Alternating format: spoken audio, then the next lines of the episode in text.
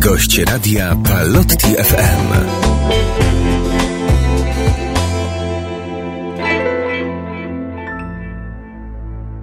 Rozmawiam z księdzem Markiem Witbrotem, związanym z ośrodkiem pallotyńskim w Paryżu. W tym roku Centrum Dialogu, Pallotyńskie Centrum Dialogu w Paryżu świętuje 50-lecie swojego istnienia. Jakie były początki i jakie było w owych czasach znaczenie Centrum Dialogu? Ja myślę, że początek no, trzeba by rozłożyć w czasie. I tutaj y, główną postacią, która była pomysłodawcą, a zarazem twórcą tego ośrodka był ksiądz Józef Sadzik, który po swoich studiach seminaryjnych wyjechał, co było swoistym nową w owym czasie. Wyjechał na, na studia do Fryburga szwajcarskiego. No i tam zajął się estetyką, a głównie Heideggerem. No i do końca właściwie nie wiedział, co będzie po tych studiach, ale ówcześni przełożeni postanowili go posłać do Francji, żeby zajął się wydaniem szału. No i tak zaczęło się, a, a później e, stworzył, e, stworzył wydawnictwo Edition du Dialogue, które zaczęło działać e, w 1966 roku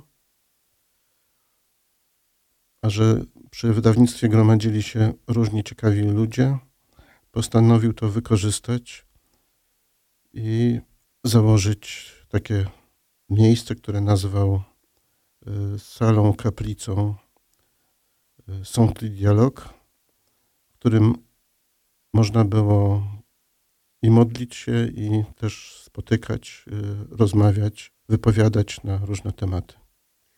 I to w czasach, kiedy w Polsce na różne tematy nie można było mówić. To był taki szczególny czas i szczególnie ważny dla Polaków, dla polskiej kultury, dla polskiej sztuki.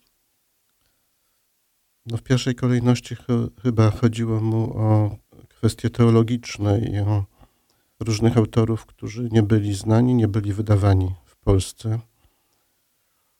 A później za tym y, poszły inne rzeczy. To było niezwykłe, że księdzu Józefowi Sadzikowi udało się wokół Centrum Dialogu, czy Centre du Dialogue y, po francusku, y, udało się y, skupić tak ważne osobistości jak poeci, pisarze, publicyści. No ksiądz Janusz Pasierb napisał kiedyś, że ksiądz Józef miał dar e, spotykania ludzi. Nie tylko spotykania, ale i no, gromadzenia ich wokół siebie, przyciągania do różnych idei, chociażby do pomysłu stworzenia no, nieprzeciętnych y, dzieł, czy rzeźbiarskich, czy czy architektonicznych, bo sala y, Centrum Dialogu no to był taki pomysł, który się y, rodził, zrodził spontanicznie i ewoluował w pewnym sensie. Na czym ten szczególny dar księdza Józefa Sadzika polegał? Kiedy przeglądamy różne książki, które pozostawił po sobie, to w wielu z nich znajdujemy dedykacje czy Zbigniewa Herberta, czy Czesława Miłosza, czy Karola Wojtyły, które zaczynają się słowami kochany Józiu albo najdroższy Józiu. To pokazuje, jak bardzo szczególną postacią był y, ksiądz Sadzik dla tych osób. Był on ich przyjacielem, powiernikiem, kimś, z kim mogli rozmawiać o wszystkim, do kogo zawsze mogli przyjść i porozmawiać o tym, co przeżywają. Wydaje mi się, że każda osoba to jest jakby oddzielna historia, bo jeżeli chodzi o kardynała Wojtyłę, spotkał już go na kopcu, jeszcze jak tam się uczył w niższym seminarium. Z kolei Herberta spotkał w latach 60. przy okazji jednego z jego pobytów we Francji. Natomiast z Miłoszem była jeszcze inna historia, bo to Miłosz zabiegał o kontakt z księdzem Józefem. Po raz pierwszy spotkali się w Boże Narodzenie 1963 roku, ale no, ksiądz Józef był bardzo ostrożny, jakoś wtedy nie, nie zaiskrzyło. Inna sprawa, że Palotyni, czy ówczesny zarząd był przeciwny wydawaniu książki Miłosza przez, przez Palotynów. Także dopiero gdy powstało Centrum Dialogu, e, kiedy zaczęło działać w grudniu 1973 e, roku, e, Giedroć usilnie namawiał Sadzika, żeby jednak nawiązał na powrót kontakt z Miłoszem i żeby też no, mógł Miłosz tym centrum wystąpić. I właściwie ta mm, wielka przyjaźń zaczęła się tak naprawdę w 1974 roku. Przyjaźń między Miłoszem i, i Sadzikiem. Kiedy mówimy o Czesławie Miłoszu, nie możemy nie wspomnieć o apokalipsie, która jest szczególnym motywem w centrum dialogu, bo no właśnie Czesław Miłosz został poproszony przez księdza Józefa Sadzika o e, przełożenie apokalipsy. E, a temu wszystkiemu towarzyszą niezwykłe ilustracje Jana Lebensteina, a jeszcze wcześniej witraż, który jest w zasadzie taką wizytówką sali kaplicy Centrum Dialogu w Paryżu. No tu do, dotykamy biografii różnych przeżyć księdza Sadzika i myślę, że ta myśl zrodziła się znacznie wcześniej. To w pewnym sensie za nim chodziło przez całe dorosłe życie. Apokalipsa jako taka już pojawiła się, kiedy postanowił y, poprosić y, Lebensteina o wykonanie y, witraży do sali Centrum Dialogu. A to, co później zrobił Miłosz, było jakby konsekwencją tego, co się wydarzyło wcześniej. I jeszcze były e, psalmy, które Miłosz tłumaczy, tłumaczył. Była księga Hioba, a dopiero później Apokalipsa. Gdy jesteśmy przy Apokalipsie, to powiedzmy, czy zaznaczmy niezwykłe, wizjonerskie wręcz poczucie estetyki księdza Józefa Sadzika, który właśnie stworzył salę, kaplicę. W tamtych czasach takie połączenie chyba było niepopularne. Co szczególnego jest w tej sali? Czym ta sala odróżnia się od innych według księdza, według ciebie, Marku? No, wydaje mi się, że to, co najważniejsze, że dał e, swojemu przyjacielowi już wtedy, Janowi Lebensteinowi, zupełnie wolną rękę. I zawsze miał zaufanie do, do tych, którym powierzał różne zadania. Oczywiście E, bardzo dużo między sobą dyskutowali na te tematy związane z, tak z apokalipsą, jeżeli chodzi o e, treść e, biblijną, jak i o różne realizacje artystyczne związane z tym tematem. Ciekawy jest też ołtarz, który jest nie tylko ołtarzem, ale może być, stanowić też taki swoisty pulpit. Y, istnieje do tej pory. Teraz również przy nim odbywają się spotkania, także te z okazji 50-lecia Centrum Dialogu. Y, podoba Ci się ten ołtarz? No jak najbardziej. On stanowi pewną część całości. To on nie był e, czymś osobnym od e, tej sali, tego wystroju czy no, tej całej przestrzeni, która tak naprawdę nie została do końca zrealizowana e, tak, jak to było w zamierzeniach. Ołtarz jest okrągły e, i z tego koła, który stanowi blat ołtarza, wycięta jest jedna czwarta, taki trójkąt y, prostokątny. Żeby no, ukierunkować, bo tam jak wiadomo sala y, można się gromadzić naprzeciw mówcy i z jednej strony, z boku, żeby no, jakby skupiała y, czy przyciągała do tego centralnego miejsca wszystkich. Jednocześnie on miał spełniać ten ołtarz różne funkcje, tak mównicy, jak i, jak i, jak i ołtarza właśnie. W pewien sposób jesteś e, spadkobiercą myśli, twórczości e, księdza Józefa Sadzika. E, gdybyś miał powiedzieć, co najbardziej cię ujmuje w tej postaci, to jak byś to nazwał, co byś powiedział? W pierwszej kolejności cała jego droga życiowa to, jak wiele mm, jeszcze y, kryje tajemnic, y, tak początek jego życia, jak i początek jego y, przygody, że jeżeli można to tak określić, z palotynami, jak i też różne późniejsze wybory.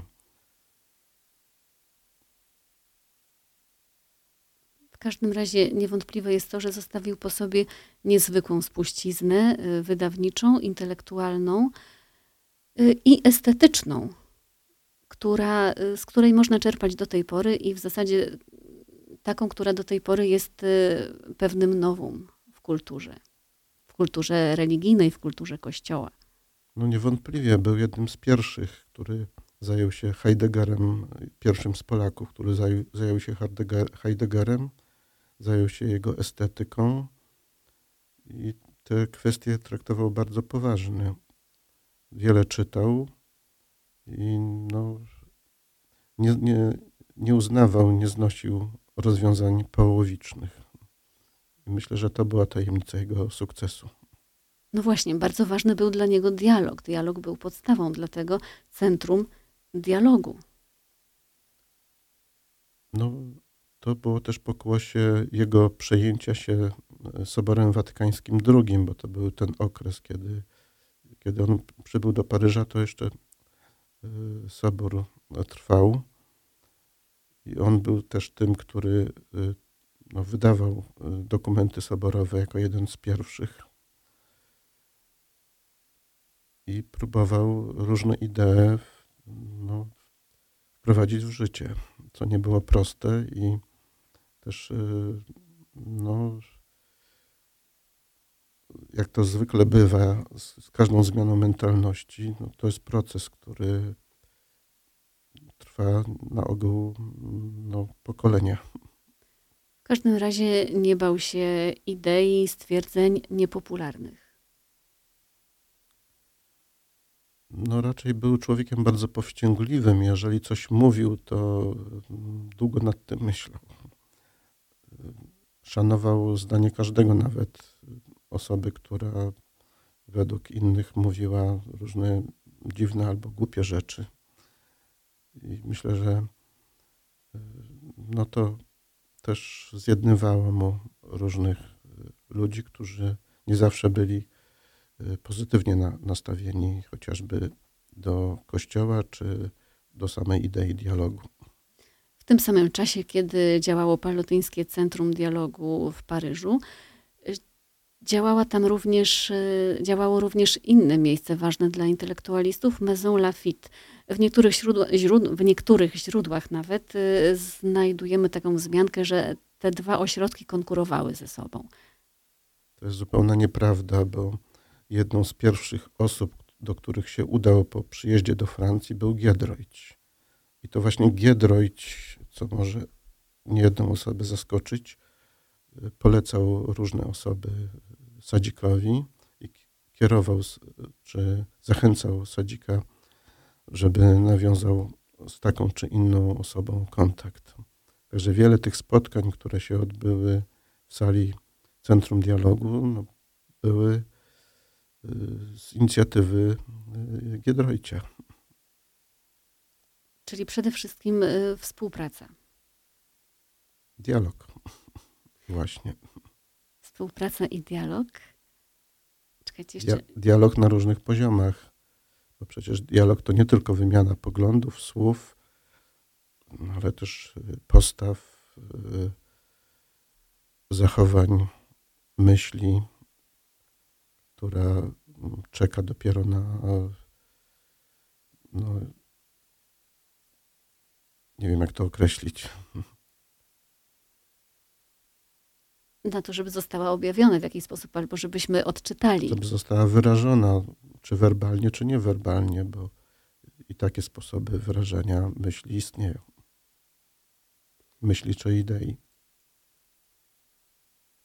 spuścizna księdza Sadzika, czy taki duchowy testament, gdybyśmy mieli odczytać, bo sądzę, że możemy mówić o księdzu Józefie Sadziku jako o swoistym proroku, który rzeczywiście patrzył daleko e, w przyszłość. Niestety nie dożył naszych czasów, ale, mm, ale pozostawił po sobie idee, którymi warto podążać, myślę. Czego możemy się dzisiaj uczyć? Co jest takie ważne w dorobku, w myśli księdza Józefa Sadzika, za, za czym e, powinniśmy iść? No w tym sensie y, proroku, czy y, w tym sensie był prorokiem, y, bo, często się myli, że, myśli, że prorok to ktoś, kto przewiduje jakieś niestworzone rzeczy, a prorok tak naprawdę jest bardzo mocno zanurzony w danej rzeczywistości i dostrzega rzeczy, które jakby wynikają z tej rzeczywistości, takiej czy innej, i potrafi dostrzec to, co, czego inni nie dostrzegają, czy nie chcą dostrzec. I Sadzik też był mocno zanurzony w tej rzeczywistości, w jakiej się znalazł, i próbował odczytać znaki czasu, co przyczyniło się do powstania serii. Jednej z, owym czasie z chyba ważniejszych serii wydawniczych, y, no, którą nazwał Znaki Czasu. Gdybyśmy dzisiaj chcieli sięgnąć do myśli księdza Józefa Sadzika, a warto, y, gdzie szukać tych śladów? Seria Znaki Czasu, y, którą można dostać w różnych miejscach, ale gdzie jeszcze szukać inspiracji? Gdzie się uczyć od księdza Józefa Sadzika? Ja myślę, że wystarczy otwartość na rzeczywistość na to, co dany czas przynosi. Jeżeli ma się uszy i oczy szeroko otwarte, no to przychodzi jakby samo, czy nie trzeba wiele trudu, żeby dostrzec te problemy, które w danym czasie są istotne. Bardzo dziękuję. Rozmawiałam z księdzem Markiem Witbrotem, związanym z ośrodkiem pallotyńskim w Paryżu. Dziękuję bardzo. Dziękuję bardzo. Gość radia Palotti FM.